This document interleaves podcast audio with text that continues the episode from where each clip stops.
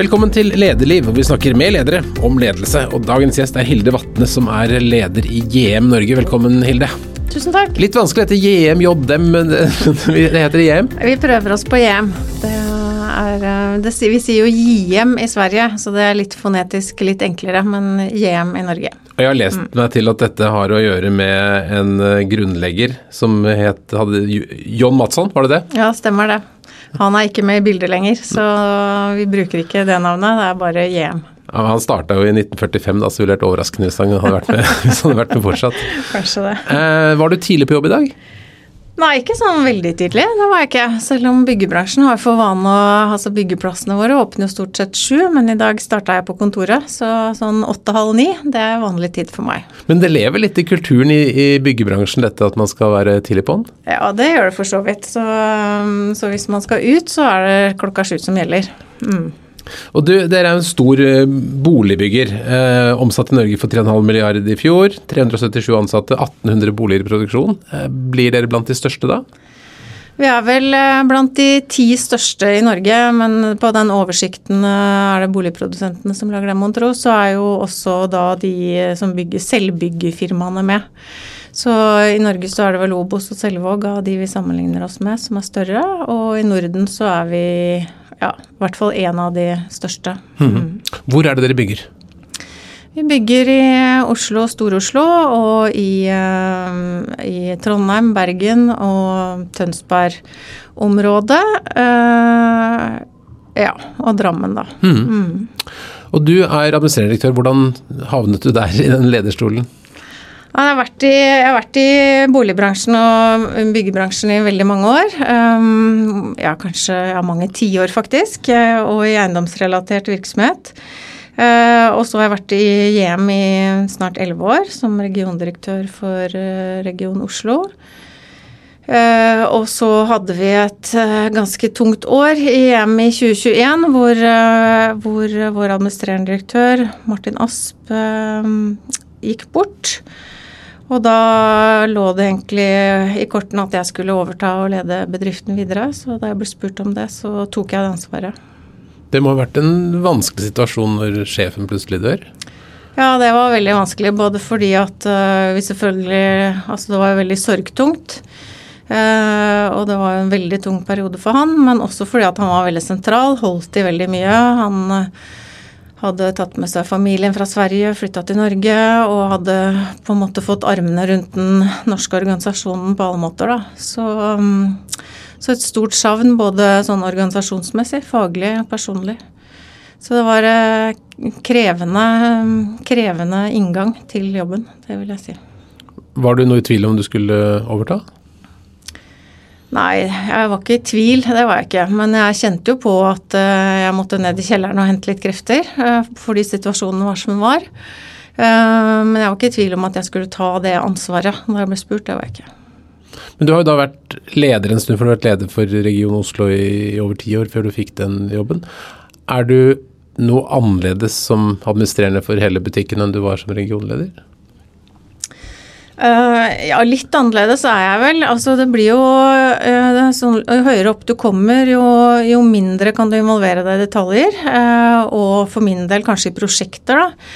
Så jeg har jo vært ganske involvert i prosjektene i alle de årene jeg har vært der. Nå kjenner jeg at jeg må slippe det mer og mer. Um, og at det blir litt mer utadvendt aktivitet, sånn som dette f.eks. At det blir litt mer av det. Um, ja, og det er flere folk å forholde seg til, større geografi, altså de selvsagte, opplagte tingene. Mm. Så litt annerledes er det. Men det å bli toppsjef som du er nå, er det noe som du har sett for deg siden du var liten? Nei, absolutt ikke siden jeg var liten. Jeg så ikke for meg noe mer enn dagen i dag veldig lenge. så jeg har ikke hatt noen sånn tydelige ambisjoner om det. Men jeg har jo kjent at jeg kanskje er klar for det ansvaret. Jeg har vært økonomidirektør i forskjellige firmaer i mange år før jeg, før jeg gikk inn i EM. Og sånn sett vært nummer to noen steder og sånn. Så ja, så jeg har vel i hvert fall følt at jeg har vært klar for det. Um, og så jobb, vokser jo ikke den type stillinger på trær. Så, men nå kom muligheten, da. Om enn under litt uh, kjedelige omstendigheter og triste omstendigheter. Det å sitte og være sånn nummer to i forskjellige ledergrupper, er det noen ganger du tenker at jeg skulle ønske jeg hadde den, at det var jeg som bestemte? Eh, det har jeg nok tenkt eh, av og til, om ikke det altså, For av og til så vil man jo kanskje, hvis man ikke er enig, så må man innrette seg. Men det er jo også å innordne seg en beslutning. Men det er jo på en måte en, noe man tar med seg videre. Sånn er det jo alltid, også når man er nummer én. Man har et styre, en konsernledelse, andre ting som man må innordne seg de beslutningene som er tatt. Er du noe annerledes som leder nå enn da du startet som regionleder for ti år siden? Jeg tror i hvert fall jeg er litt tryggere. Altså, da gikk jeg jo fra Da hadde jeg vært økonomidirektør her og der og hadde vært eh, leder for stab, og så gikk jeg over i linje, så det var nytt for meg den gangen. Så det var jo litt annerledes å skulle levere og ha det PNL-ansvaret mm, på egne skuldre. Så jeg vil jo tro at jeg utviklet meg innenfor det. Så PNL, det betyr resultatansvar? Ja. Mm. Mm. Hva, hva, tenker du er det viktigste du har lært om ledelse på de ti årene? Um, hva kan det være det viktigste jeg har lært? Altså, I hvert fall eh, så tror jeg at jeg blir mer lydhør med årene. Eh, mindre ja, mindre forutinntatt, kanskje. Sjekker ut ulike alternativer før jeg tar beslutning. Så, så kanskje mer lydhør. Hmm. Vil du si at du har noen sånn tydelige lederprinsipper eller regler? Lederprinsippene mine, det er jo altså det som bærer eh, egentlig hele Ikke bare lederskapet, men egentlig verdigrunnlaget mitt, er at jeg har tillit til folk. Inntil det motsatte en veldig sjelden gang eh, er bevist. Eh, så jeg er nok opptatt av, opptatt av være enkelt. Og at det er sunne verdier og holdninger som ligger til grunn for det vi gjør. Det tror jeg er lederprinsippene. Hvem er det som har lært deg ledelse? Er det noen som har inspirert deg spesielt? Uh, ja, skal vi se. Jeg har jo Det er jo mange inspirasjonskilder. Det er jo alt fra litteratur til, um, til kanskje enkeltpersoner. Uh, Førstejobben min var i et gründermiljø, en, en startup. Uh, det er jo langt tilbake, men da var jeg med på et sånt lite eventyr innenfor IT. Um, og da hadde jeg en veldig god leder som både var seriøs og litt sånn leken. Altså det har man jo mulighet til når man er i en startup. Så jeg lærte nok veldig mye av han, og ikke minst så ga han meg tillit og trygghet og gradvis ansvar. Så det er viktig å ha gode ledere underveis. Mm. Prøver du å være litt leken i jobben din? Jeg prøver i hvert fall å ha litt humor med meg hele tiden. går det? Klarer du det? Nei, ikke alltid. Selvsagt, det går ikke alltid. Men, eh, men eh, jeg tror ikke det går Jeg går ikke en hel dag uten at jeg har ledd godt. Mm. Det, er noe, det, er alltid noe, man kan se litt skrått på. Det tror jeg er en bra, bra sånn leveregel. Men du, på de ti årene hvor du har vært i, i EM, eller, eller, de 20 årene du, eller mer som du jobbet i boligbransjen, så har jo bolig blitt enormt mye dyrere, i hvert fall her i Oslo. Det er jo, det er jo, altså, hva er forklaringen, det lurer sikkert mange på? Hvorfor ja. er det blitt så dyrt? ja, det er, altså, det er, jo prispress. Det er blitt veldig mye dyrere å bygge. Det er jo ikke sånn at marginene til utviklerne har økt i takt med boligprisene. Sånn er det jo ikke. Så, eh, så det er vel vanlig mm, tilbud og etterspørsel at det hele tiden er litt tilbudsunderskudd som, eh, som driver prisene. Eh, økonomien vokser. Eh, eh, kostnadene øker jo, og ikke minst så har jo da tomteprisene altså de har jo gått eh, fire-fem-gangeren altså i løpet av et par tiår. Så, så det er mange drivere bak, bak de økte boligprisene. Jeg vet at du var jobbet i et av de selskapene som var med å bygge ut på Tjuvholmen. Jeg har jobbet også med kommunikasjon på Tjuvholmen da det ble lansert. og Det første leiligheten som ble lagt ut der, liksom på under to millioner kroner, med sjøutsikt midt i sentrum. Og det er under 20 år siden. Det er jo ganske fantastisk. Altså I dag så får du jo ingen, jo, det er kanskje en liten parkeringsplass i Oslo for det, hvis du er heldig, men ellers er jo alt minst dobbelt så dyrt. Ja, ja. Nei, de som har vært med på den prisutviklingen, de har vært heldige. Så det stemmer, det. Vi på Løren i sin tid så var det jo noen leiligheter under én million. Ja. Mm. Er dette spesielt norsk, eller er det samme f.eks. hos da moderskipet i Sverige? Ja, Prisutviklingen i Stockholm og Oslo f.eks. den følger, følges ganske tett.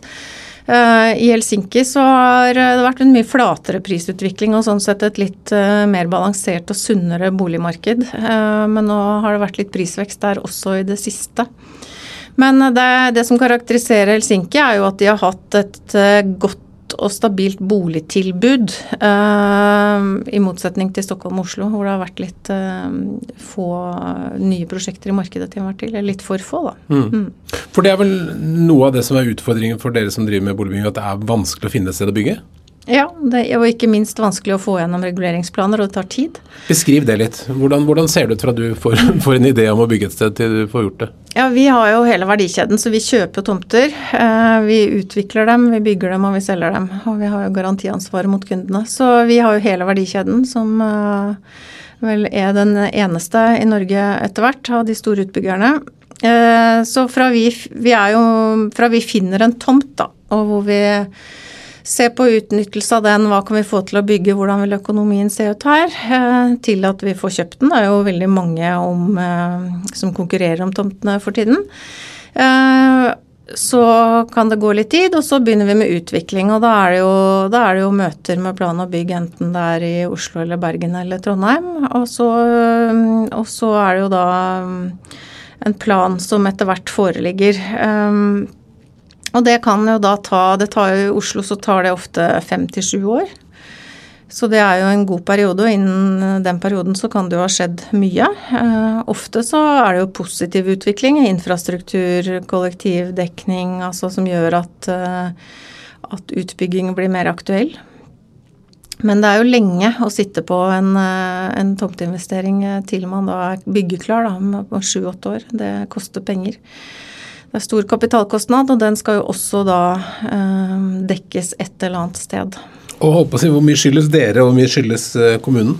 Ja, det, Om det strides jo partene, men eh, jeg tror vi kan eh, dele litt på det og si at, eh, at, at vi også helt sikkert kan bli raskere og gå mot mål, men, men vi sliter ofte med å finne ut eh, Det er politiske interesser, det er, eh, eh, det er jo ting i kommuneplanen, i områdereguleringene som vi kanskje liksom ikke helt ikke er tydelige nok, eller vi tenker at det funker ikke, så vi må prøve å utfordre det. Og det, det hender jo at, at, vi får kritikk for.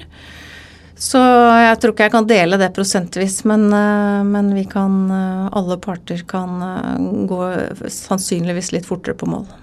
Men er, Norge, er, Oslo spesielt eh, trege i forhold til andre byer eller andre land? Nei, ikke spesielt. Det vil jeg ikke si. Det tar lang tid i andre store byer også, og i Bergen tar det lang tid. Eh, så det er eh, Det var vel en sånn oversikt over, eh, over hvor flinke kommunene var til å få fram boliger her nylig. Da var det vel Kristiansand som vant den, tror jeg. Hvis ikke jeg husker helt feil. Så det er forskjeller mellom de norske byene. Men Oslo er ikke blant de beste. Men hvis du skulle hvis du ble tillagt uh, all makt, da, hva, hva, hva, ville du gjort? Hvordan kunne man løst dette problemet? Kanskje enda tydeligere premissgivning fra administrasjon og politikere. Det var samstemt og enige at vi fikk tydelige, tydelige retningslinjer. Enda tydeligere retningslinjer. Men dette har vel bl.a. å gjøre med at masse naboer klager og ingen vil ha boliger akkurat der de selv bor og sånn? Ja da, og den prosessen den må vi jo ha den høringsprosessen det er jo en forutsetning, så alle skal høres. Mm. Men nå har jo, øh, får du nesten ikke kjøpt noen leilighet i Oslo under 100 000 per kvadratmeter. Eh, altså, Hvor langt kan det fortsette? kan det doble seg enda en gang? Det vet vi jo ikke. altså det er jo veldig, Nå er det jo, er det jo storm ute med, med mm, høyt prispress på eh, byggevarer. Vanskelig tilgjengelige byggevarer. Eh, presset arbeidsmarked, færre arbeidsinnvandrere. Og I tillegg så får vi da en renteøkning. og Norges Bank sa vel nå at boligrenten kommer til å være 4% i løpet av neste år. Så, eh, og hvem skal betale den regningen for de økte kostnadene? Eh, hvordan skal vi få dette regnestykket til å gå opp? Eh, det er det jo ingen som har svar på. I tillegg så har vi jo da en boliglånsforskrift som legger en sterk begrensning på hva folk kan låne. Og hvis vi da får 4% og bankene skal stressteste med 5% på de 4% så så kan det bli krevende for folk å få kjøpt boliger og få ut lønnsomme prosjekter. Det tror jeg kan bli krevende for mange fremover. Men man kunne vel tenke at prisene går ned hvis renta går opp, fordi folk ikke har så mye penger å betale? Ja, men da er det jo ingen penger igjen. Altså Hvis kostnadene går på prisene ned, så er det ingen som kommer til å realisere prosjekter. Så da blir dere bare sittende og vente? Ja, nå håper jeg jo at vi klarer å få kontroll på kostnadene etter hvert. Vi har jo mm, Men jeg tror at det vil vare en stund, altså den krigssituasjonen med, med begrensning på en del råvarer, og betong er jo en av dem. Som er en viktig innsatsfaktor, og tre en annen. Jeg Fortell litt om det. for nå, Jeg har skjønt at råvarer det er liksom plutselig blitt et veldig stort tema? Mm, det er det. Russland og Ukraina er jo sterke, store leverandører på en del av, eh, av, eh, av råvarene, som stål, aluminium. Eh, de står også for mye av parkett. Jeg tror mye, mye av parketten kommer fra Ukraina. Så trevarer er også, også begrensning på. Det tror jeg ingen har tenkt på før. at vi får liksom byggemateriale fra Ukraina, at det kunne påvirke oss på den måten. Og vi har ingen direkte avtaler, vi har ingen underleverandører fra verken Russland eller Ukraina, men innsatsvarene kan jo komme derfra. Mm. Og kommer sannsynligvis derfra. Så det vil presse prisen oppover, det er helt sikkert. Pluss at strømmen eh, blir jo mye dyrere. Nei, det er prispress fra alle kanter. Er det disse tingene som bekymrer deg mest for tiden? Ja, det er litt sånn eh, Det er eh, storm ute, altså i forhold til at det er veldig mange ting som inntreffer nå samtidig. Både med, på råvarer, tilgjengelighet og priser. Økt rente, alle andre kostnader øker. Matvarepriser øker, strømkostnaden øker. Så det er veldig spennende å se hvordan dette vil slå i boligmarkedet over tid. Og så har du sikkert ansatte som vil ha litt høyere lønn også? Jeg vil jo tro at at det blir press på lønnsoppgjøret i år, ja. Med den, um, med den underliggende inflasjonen som vi har. Mm. Og hvordan har du tenkt å løse dette? ja, Det tror jeg ikke er noe jeg kan løse isolert. Jeg tror vi bare må gjøre vårt beste hele veien. Vi er jo ganske store. Vi har jo konserninnkjøp, så vi har jo rammeavtaler som gjør at vi kanskje får litt, eh, litt lavere indeksøkninger enn mange andre. Eh, vi har eh, avtaler med leverandørene, så vi prøver å tenke litt fram i tid, sånn at vi får levert de varene vi trenger. Og så får vi bygge så effektivt som mulig, da. Vi er jo heldige, vi har produksjon i eget hus, så vi har mulighet til å få opp farta. Men det som skjer er vel at boligene blir mindre og mindre og mindre for å få prisene ned? Ja, det kan jo hende at eh, noen at man blir nødt til, hvis man vil bo i pressområdene, at man må bo på effektive kvadratmeter. Mm. Eh, at man ikke har råd til så mange. Det, det og der sier Oslo kommune at de vil ikke ha bare små leiligheter? Nei, bare små. Det, det, er nok ikke gunstig. Men, eh, men nå er det sånn at 50% av Oslos befolkning består av én person. Så jeg tror at veldig mange foretrekker å bo på 42 kvadratmeter som de eier, istedenfor 56 som de leier. Så det må jo være opp til eh, kunden å bestemme, tenker jeg. Men hvis vi tenker tilbake til forrige kommunevalgkamp, så snakket jo det nåværende byrådet vakkert om, eller politikerne veldig vakkert om den tredje boligsektoren. Det skulle komme opp en fantastisk løsning. Hvordan går det med den? En del av løsningen er kanskje det prosjektet de lanserte nå, sammen med, med noen utbyggere. Eh, Obos og Bane Nor og var det Nrep eller, som var med på det. Eh, hvor, som satser på deleie. Og det tror jeg kanskje kan være en del av løsningen. Altså den norske jeg tenker på den norske boligmodellen da, om at alle skal eie sin egen. Mm. Åtte av ti nordmenn eier sin egen bolig. Eh, kanskje den står for fall. Kanskje den må omskrives til at eier en del av sin egen bolig. Ja, for det Boligen blir jo ikke billigere for at du får dele det, betyr bare at du, du kjøper mindre bolig. Du eier sammen ja. med utbyggeren. Ja. ja. Du, eier, ja, du, eier, du kjøper da eh, f.eks. 50% av boligen, og så har du mulighet til å kjøpe det opp. Så vi kommer også til å se på den boligmodellen og utvide eh, tilbudet vårt fremover. Men det gjør vel ikke prisene noe lavere, snarere tvert imot? For da får folk mer kjøpekraft til å kjøpe halve leiligheter? da? Ja, men du kan komme deg inn. ikke sant? Altså Hvis du mangler egenkapital f.eks., du er en eller to nyutdannede som ikke har foreldrebank eller har klart å spare noe, så kan du komme deg inn med lavere egenkapital.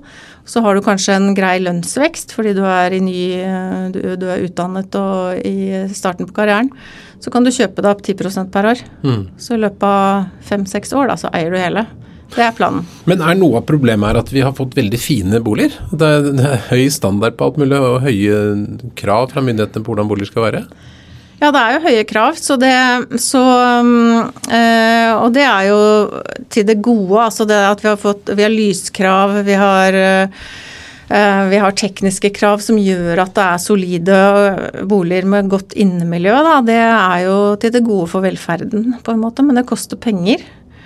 Så vi gjorde en, eh, vi gjorde en, eh, en liten sånn test, eller en, et rådgiverfirma gjorde det for oss, hvor de sammenlignet strømforbruket i en leilighet fra sånn 50-60-tallet på 100 kvadratmeter mot en ny bolig som vi hadde bygd da, på Torshov på 100 kvadratmeter. Og da var konklusjonen at en gammel bolig bruker åtte ganger så mye strøm for oppvarming. Oi. Så det kan hende at det blir litt sånn strekk her. Altså Veldig lenge så har jo nybolig og bruktbolig kostet omtrent det samme. Men jeg vil jo tro at, eh, at, eh, at nybolig vil kunne prises litt høyere hvis man da inkluderer driftsbudsjettet, da, strømbudsjettet. Eh, fremover. Tror du folk tenker på når du kjøper bolig? jeg tror folk begynner å tenke på det nå. Ja. Jeg tror liksom den perioden med høye strømpriser har vært en ordentlig wake-up call for eh, mange.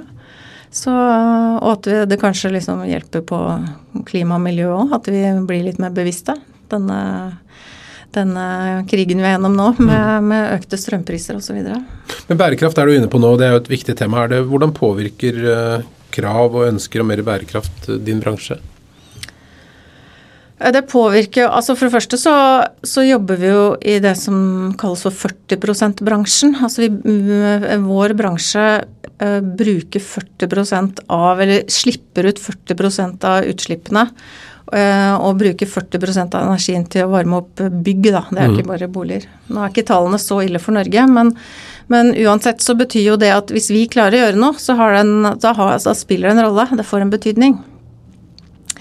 Så nå jobber vi jo på alle, på alle, plan med å få ned utslippene, både når vi bygger. Eh, vi jobber med avfallsreduksjon, det er en stor kilde til, eh, til utslipp. Vi jobber med, med fossilfrie byggeplasser eh, og går over til annet brensel. Og vi har svanemerkeboligene våre, noe som gjør at de er enklere og billigere å varme opp. Altså at du får energieffektive boliger.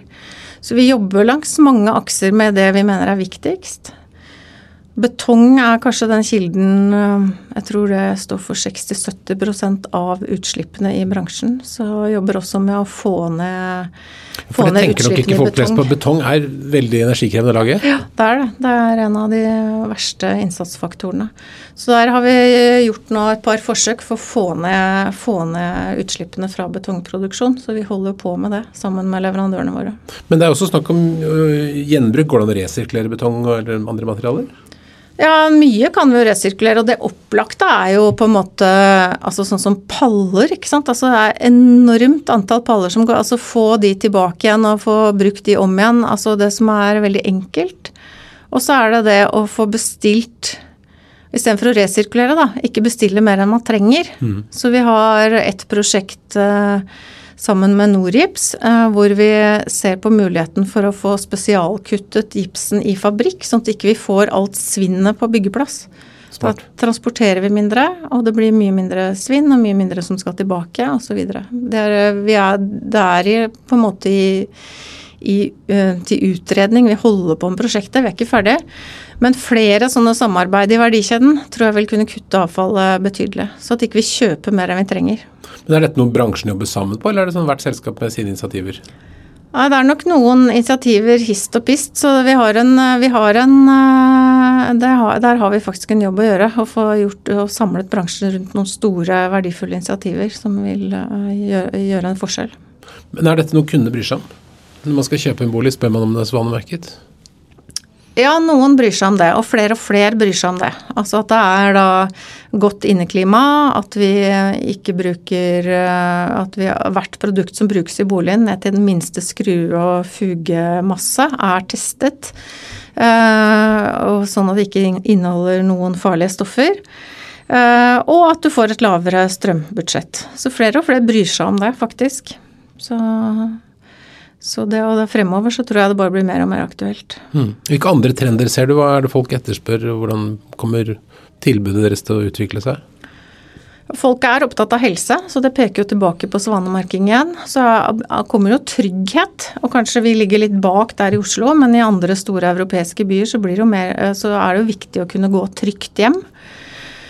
Eh, vi har jo vært ganske heldige her til nå, men, eh, men, i andre europeiske byer så er det viktig. Så om det da er lyssetting, eller om det er eh, inngjerding, eller hva det kan innebære, det, det, vet jeg ikke. Men trygghet er i hvert fall viktig. Blir det mer gjerder og låser? Det er jo ikke en ønsket vei å gå, så jeg får håpe vi klarer å løse det på andre måter. Men i hvert fall det når du At det er at det er trygge adkomster og sånne ting da, til mm. boligene.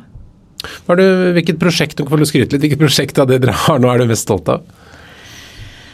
Nå kom jeg akkurat fra Trondheim, så der har vi hatt våre første prosjekter. Så jeg er veldig stolt av at vi har kommet i gang der. Eh, vi startet der for et par år siden, og nå har vi overlevert første prosjektet på Strindhalia, som har blitt veldig, veldig fint. Så nå tror jeg at jeg vil trekke fram det akkurat nå. Hva er det som er bra med det? Nei, Det har blitt et flott prosjekt, altså både utformingsmessig, det er veldig fornøyde kunder. Og, vi har en, og så er jeg også veldig stolt av vi har en helt ny organisasjon som har egentlig stabla på beina og vært eh, De ble jo en satellitt under pandemien, ikke sant. Vi fikk jo ikke fulgt opp godt nok. Eh, Um, så de har egentlig vært litt sånn overlatt til seg sjøl og fått til dette på en utmerket mm. måte. Syns du det var vanskelig å lede under pandemien? Ja, det var jo litt mer krevende, men vi hadde jo flere katastrofer på en gang. Um, og særlig fordi at jeg merket at uh, folk trengte kanskje mer enn, jeg, enn, vi klarte å gi hele veien. Men vi prøvde jo å ta initiativer sosialt og på annen måte, men det ble jo mye bak skjerm, ikke sant. Og det mm. begrenser seg jo. Så når ikke du ser folk, så vet du heller ikke hvordan de har det. Så uh, en del usikkerhet. Er du en sånn leder som liker å, å si, henge rundt og drikke kaffe med folk? Uh, jeg liker i hvert fall å ha kontakt med folk. Uh, og så hender det altså Tiden begrenser jo litt det, men jeg liker å egentlig kjenne, kjenne hver enkelt så langt det lar seg gjøre. Men dere er litt eh, gammeldagse, for dere har ordentlige håndverkere sånn selv. Dere er ikke bare sånn shopper i markedet, men dere, dere bygger. Ja, vi har eget produksjonsapparat. Hvorfor det? Eller, ja, ja. Det er en del av den industrielle modellen vår. Eh, vi mm, har egne gjennomføringsmetoder, egne byggesystemer, og for å gjennomføre de så må vi ha våre egne folk, for de er drillet på, på det. Mm. Så vi har egne tømrere og egne betongarbeidere. Men blir det noe bedre enn å shoppe i markedet sånn som en del av de andre gjør? Ja, det tror jeg blir bedre. Både fordi at vi da kan utnytte eh, flere deler av verdikjeden. Vi vet hvor skoen trykker i gjennomføring, som vi kan ta med oss inn i utvikling av neste prosjekt. Så vi kan da hele tiden forbedre gjennomføringsmodellen vår. Nå har vi jo snakket om, om utfordringer med, med, både materialer og klima etter hvert, men utvikling går jo også fremover med teknologi og digitalisering og sånne ting. Er det, no, er det noen ting som gjør uh, arbeidet mer effektivt? Nå som, har det, kommer det noen datamaskiner som kan bygge alt for oss, eller kan du printe, printe boligen? Ja, er, digitalisering og bærekraft går vel hånd i hånd. Uh, og det var også nødvendig under pandemien, hvor vi la om alle um, kundeprosessene til å bli digitale. Det måtte jo gå fort, og det gikk fort. Uh, men også i um, f.eks. i avfallshåndteringen. Da. Altså vi må, vi må vite hvor mye avfall vi har til enhver tid. Nå tror jeg gjennomsnittlig avfall omtrent per meter, da, ikke, altså i bransjen, det er ca. 30 kilo. Per, altså, kvadratmeter. per kvadratmeter som du bygger, så er det 30 kilo avfall? ja. Mm. Så hvis du bygger en leilighet på 100 kvadratmeter, så bærer du ut tre tonn. Oi, du så, ja. så i forhold til å få ned det avfallet, så er det viktig med å ha et digitalt system som følger opp det, så vi vet mm. til enhver tid uh, hvor, uh, hva vi kan gjøre noe med. Uh, så det er et eksempel. Og så er det jo BIM-modeller og alt dette vi har holdt på med i alle år. det bare forklarer vei.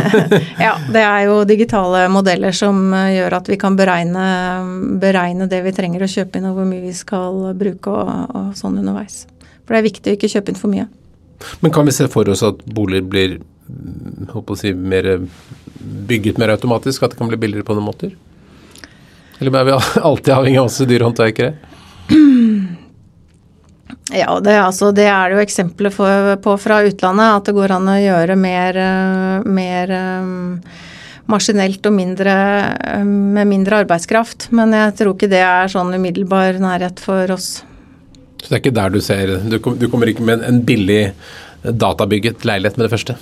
Nei, men det kommer jo, det kom jo det digitale inntreden i leiligheten i form av det vi kaller intelligente hjem, da, hvor det er mer uh, Eh, digital utrustning som gjør eh, ja, Det er apropos trygghet, da. Som kan sikre boligen din, som kan styre, styre elforsyning, eh, lys, strøm eh, altså, og sånne ting. Så, så der eh, er jo digital inntreden tydelig. Så alt eh, skjer i en app? For eksempel. Ja. Det er jo sånn noen har det. Det er ikke alle som er like glad for det. Det, er, det må jo være en barriere for noen når det blir Ja. for teknisk. Men det er jo foreløpig valgfritt, da, om man vil ha det eller ikke. Ja. Hva er andre viktige trender som du ser i markedet når du ser hva, liksom, hvordan, hvordan kommer hjem til å utvikle seg de neste tiårene? Vi kommer nok til å fortsette å være i de store byene som vi er, i universitetsbyene, i, i de tre landene vi er. Eh, Ja, blanding av feltutbygging og infill-prosjekter, små prosjekter. Um, kommer til å utvikle oss videre langs bærekraftaksen uh, og prøve å få mer på plass uh, i forhold til både, både når vi bygger og når leiligheten er klar, da, og få ned ja, for kunden. Og så forstår jeg at kunden blir mer og mer krevende, og dere er opptatt av kundetilfredshet og, og sånne ting. Hvordan, hva, hvordan, på hvilken måte er, eller Hva forventer kunden i dag? Kundene forventer en feilfri bolig, og det skjønner jeg. Det er masse penger, og det er den største investeringen for veldig mange. Så de forventer jo kvalitet, og forventer tett og god oppfølging. Så det jobber vi jo med. Det, vi har jo hatt de mest fornøyde kundene gjennom mange år. Uh, I mange av de siste årene det har blitt målt. Uh, og vi jobber hele tiden med forbedring av kundeprosessen. Men det går jo både på produkt, og det går på vårt personal, og på kommunikasjon på forhånd og underveis og etterpå. Så det er mange Det er, det er umettelig hva du kan jobbe med for å bli bedre eh, både som leverandør. Og hvordan jobber du for at liksom, dine tanker om hvordan JM skal være, skal, skal gå inn i alles, alle de ansattes hjerter? Hvordan jobber du med kommunikasjon? Jeg prøver jo å, ha, å være til stede når vi har samlinger. Eh, senest i dag så var jeg i en samling eh, i, med alle som driver marked og salg. Jeg hadde en liten innledning der. Ellers så har vi, eh, har vi infomøter regelmessig. Hvor, eh, og i og med at vi er geografisk spredd, så har vi de da på Teams. Og så har vi også andre samlinger for grupper, eh, enten for stillingskategorier, eller for regioner, eller for hele Norge, eller ja. Så vi har mange ulike samlinger i løpet av et år. Har du noen spesielle teknikker, eller har du laget et type fremtidsscenario som du beskriver, eller har du en stor plan, eller hvordan, hvordan jobber du med det? Ja, vi har en, eh, vi har en plan. eh, Så vi tar utgangspunkt i konsernets strategier, altså hvilke, hvilke veier vi skal gå fremover. Og så lager vi en plan for Norge hva vi må gjøre noe med for å nærme oss eh, de langsiktige målene vi har da. Så jeg har én plan eh, på én side faktisk, som, eh, som vi kommuniserer ut. Og du gjentar og gjentar og gjentar? Ja, eller jeg vil jo heller si at det som er spennende med den planen, det er jo at vi at de boksene blir grønne i løpet av året. Altså at vi starter, så har vi ikke gjort noen ting, og så i løpet av året så tikker den ene grønne lyset inn etter det andre. Det er jo det som er motiverende. Vi får gjort noe. Og det er noe du deler med gjengen? Ja. Men du er jo blant Det er ganske mange som har det sånn som deg, at de er leder for en virksomhet i Norge som er eid av svensker. Ja. Hvordan er det å jobbe med svensker?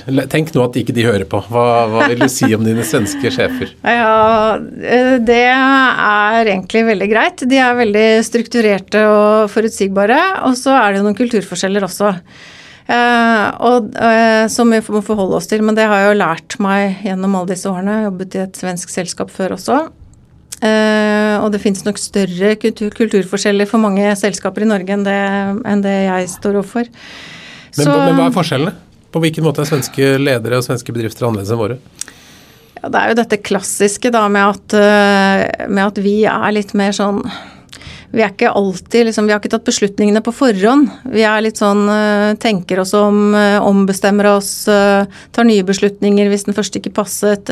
Dette er jo Men svenskene gjør, veldig mye forarbeid og er helt klare til å ta en endelig beslutning når de gjør det. Mens vi er litt mer sånn lette på foten av og til. På godt og vondt, da. Så når de har sagt at sånn blir det, så blir det sånn? Det gjør det. Hva er den beste metoden? Er det, er det, det, er det den svenske eller norske? Jeg tror egentlig at en blanding er ganske bra. Så, så vi har sikkert litt å lære av hverandre, vil jeg tro.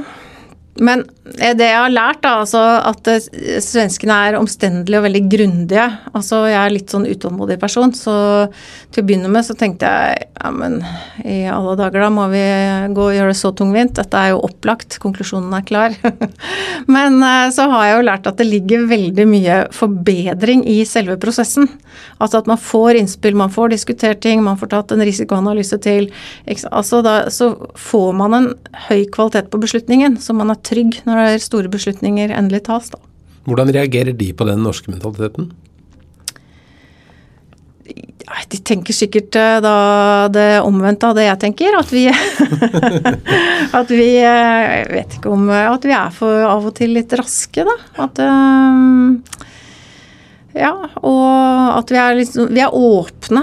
Jeg tror kanskje vi er litt åpnere og har litt lettere for å si at jeg tok feil. Eller jeg vet ikke, eller eh, kan noen hjelpe meg her? Ja, kanskje. Mm. Betyr dette eh, Det høres ut som du har blitt litt mer svensk etter hvert på disse årene? Litt mer eh, grundig, har du det? Ja, det har jeg. Jeg har lært å sette pris på de grundige prosessene. Det har jeg. Mm. Hvis ikke så hadde jeg ikke kunnet vært i et svensk selskap. Nei, for det er, en forutsetning. Du må, du må, på en måte ha noe felles verdigrunnlag? Ja. ja. Men hvordan, hvordan, det er på ledernivå, hvordan, hvordan, er det svenske boligkjøperne mot de norske? Da? Er det noen forskjeller der? Det er jo noen forskjeller, fordi at uh, vi i Norge så har vi den selveiemodellen. Uh, så boligen betyr nok enda mer for oss i Norge enn den gjør for uh, den svenske befolkningen. Hvordan er det der, da? Nei, De har jo disse bostadsrettene og hyresretter. De har en mindre andel som eier sin egen bolig. Um, jeg tror også de investerer litt mindre i boligene. Vi er jo på verdenstoppen i å investere i boligene. Så hvem er det som eier dem? da, altså Profesjonelle utleiere som eier? Ja, ja de er, det er på en måte som borettslag, da, ja, sånne bostadsretter. Eller så er det hyresretter, og da er det utleieselskaper. Mm -hmm. mm. Så jeg tror boligkundene er like kravstore. altså Det er like vanskelig å få fornøyde kunder i Sverige som i Norge. Eh, men at det, folk kanskje har en litt annen holdning til boligen. Og så er det jo flere investorer i Norge, da. Vi har jo skattemodeller og sånn som gjør at bolig er et uh, interessant uh, skatteobjekt. Men det ikke, har, ikke vært, har, ikke vært, sånn i Sverige. Og Der er det jo delte meninger. Er det en bra ting at folk driver og kjøper seg leiligheter som investeringsobjekter i Norge? Um, det har jeg vel egentlig ikke noe enkelt svar på.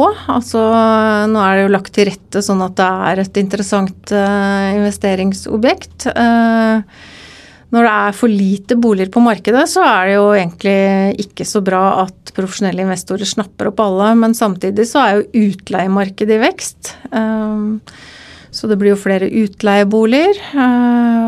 Og så kanskje vi foretrekker profesjonelle utleiere, for det gjør at forholdene ofte er mer ryddige framfor at man leier ut én og én. Men er det slik at når dere kjøper et gjennomsnittlig leilighetsprosjekt i Oslo, hvis dere legger ut det, hvor mange av de leilighetene går til folk som ikke skal bo der selv? Ja, Det er litt avhengig av plassering, men, eh, men kanskje mm, ja, Det er litt vanskelig å si et tall, men eh, bare sånn uh, gut feeling, kanskje 10 mm. Mm. Og på en måte så er det veldig fint, for dere får solgt ting, da? Ja, det ender jo at alle utbyggerne er jo avhengig av en viss salgsgrad for mm. å få finansiering fra banken. Eh, så for å komme i gang med å bygge, så spiller jo investoren ofte en, eh, en viktig rolle. Så jeg blir glad når det kommer en investor og snapper en bolig tidlig? Både òg. Mm. Ja. Det kommer an på situasjonen, salgssituasjonen. Men investorene er velkomne. Det, det vil de jo alltid være. Mm. Men da, da, Hver gang det blir diskusjon om boligpriser i, hvis vi holder oss til Oslo, da, så sier bransjen at det, det, er ikke tomter, og så sier kommunen jo, det har vært tusenvis av tomter. hva, hva, er sannheten her? Ja, Ferdig regulert, ja. ja. Nei, det har vi jo sett litt på. Eh, så det med regulerte ferdig regulerte, det er jo Det er veldig mye som inngår i den store, det store um, definisjonen på ferdig regulerte tomter. For det kan være tomter som ikke er ut, klare til å bygges ut før om en del år pga. rekkefølgekrav eller infrastruktur eller annet. Så, så er, vi sitter ikke på noen gryteklare tomter som vi sitter liksom og knuger på for å håpe på bedre tider. Vi snur tomtene så fort vi kan etter mm. at vi har fått dem regulert. og det det har vel de andre utbyggerne også gått ut og sagt at de gjør. Så det som eventuelt ligger, da, det er jo ting som ikke lar seg bygge ut akkurat nå. Men hvis Oslo skal vokse, hvor skal det skje? Ja, Det vil jo skje randsonene, eh, så Oslo blir vel større og større, da. Så, og langs kanskje skinnegående eh, trafikk. Så vi har jo et par prosjekter nedover mot Nordre Follo, mot Drammen. eh, Ja, og selvsagt liksom nordover mot Jessheim og, og, og mot Gardermoen. Så det skjer jo langs sporveiene. Så bare følge, følge toget, rett og slett, Ja, så, så ser jeg hvor det bygges. det er jo også i byen. Ja. Hva koser du deg mest med på jobben, Hilde? Det beste er jo egentlig kollegaer, kontakt med folk, um, og også når vi får til ting, da. Så når vi får gjennom reguleringsplaner vi har holdt på med i sju år, det er, en, det er gode dager. Um, ja, men jeg tror egentlig det er folk som motiverer meg og driver meg til å holde på. Hva er du mest stolt av å ha fått til? Jeg er veldig stolt av at vi kom oss gjennom det året i fjor. Hvor vi hadde, så det er den, det nærmeste. Ellers så har jeg vel eh, klart å drive den regionen ganske bra i de ti årene. Og utvikle den og øke omsetningen og resultat på en eh, bra måte. Men det må jo føles litt sånn tungt når dere først har hatt pandemi, og så har dere dødsfall i ledergruppen, og så kommer det litt mer pandemi, og så kommer det opp på beina igjen, og så blir krig og material, altså råvaremangel. Blir, blir du litt motløs av det? Nei, jeg blir ikke motløs, men jeg tenker at det er jo mange som har det på den måten der nå, mange som står eh, i det. Så det er, det er ikke noe valg. Det er jo bare å gjøre det beste ut av det og prøve å løse hver dag. eh, Og prøve å tenke langsiktig også. Så nei, jeg blir ikke motløs, det blir jeg ikke. Er det noen spesielle hendelser i din tid som leder som du tenker har formet deg som leder? Jeg tror det var eh, veldig gunstig å starte i en sånn gründerbedrift. Og ikke gå rett inn i et stort eh, system med masse struktur, for da fikk jeg liksom være med å skape noe. Og, og da er det jo også sånn at man lærer eh, alt, egentlig. Økonomi, likviditet, salg, altså organisasjon. Alt skal bygges opp. Så, så det var veldig lærerikt. Så jeg er veldig glad for at jeg hadde den starten jeg hadde. Det er litt morsomt, for mange er jo først i noe stort, og så går det til gründerbedrift, mens du har gått av det fra, fra liten til stor. Ja, det var tilfeldig. Det det var i 1989. Da var det jo litt sånn eh, vanskelig mm, arbeidsmarked. Og så, så gjorde jeg en sånn hovedoppgave med en markedsundersøkelse for et, en startup i England. Og så konkluderte jeg vel egentlig med at eh, nei, det går ikke. Og så fikk jeg vel jobben med å gjøre det, da. Det er et bra utgangspunkt. Du, eh, hvis det kommer en ung person til deg og sier jeg vil bli leder, eller jeg vil bli sånn toppsjef som deg, hva er de tre viktigste rådene for å være en god leder? For å være en god leder. Altså en ung person så ville jeg for det første sagt at ikke vær redd for å ta på deg ansvar. Um, Det er mange som tenker at nei, det kan jeg ikke og det tør og sånn, men uh, det å ikke være redd for uh, å ta på seg nye oppgaver, det løser seg som regel underveis. Veldig sjelden det verst tenkelige skjer, det, så man trenger ikke å bruke så mye energi på det. Um, og at de må tiltrekke seg folk som utfyller dem selv, både på egenskaper og på ferdigheter, uh, og bygge gode team. Uh, det er jo ikke mange ledere som har levert så veldig mange ting på egen hånd. Man er helt avhengig av de folka rundt seg, og at man har gode, leveransedyktige team. Så det er vel uh, et par råd jeg ville gitt. Gode råd. Hilde Vatne, tusen takk for at du kom til Lederliv. Tusen takk for meg.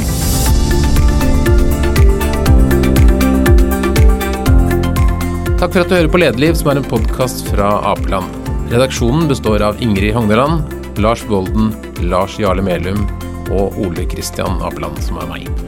Vi er takknemlige for alle gode tips om ledere eller andre kommentarer og innspill. Kan sendes til meg, ole.apeland.no.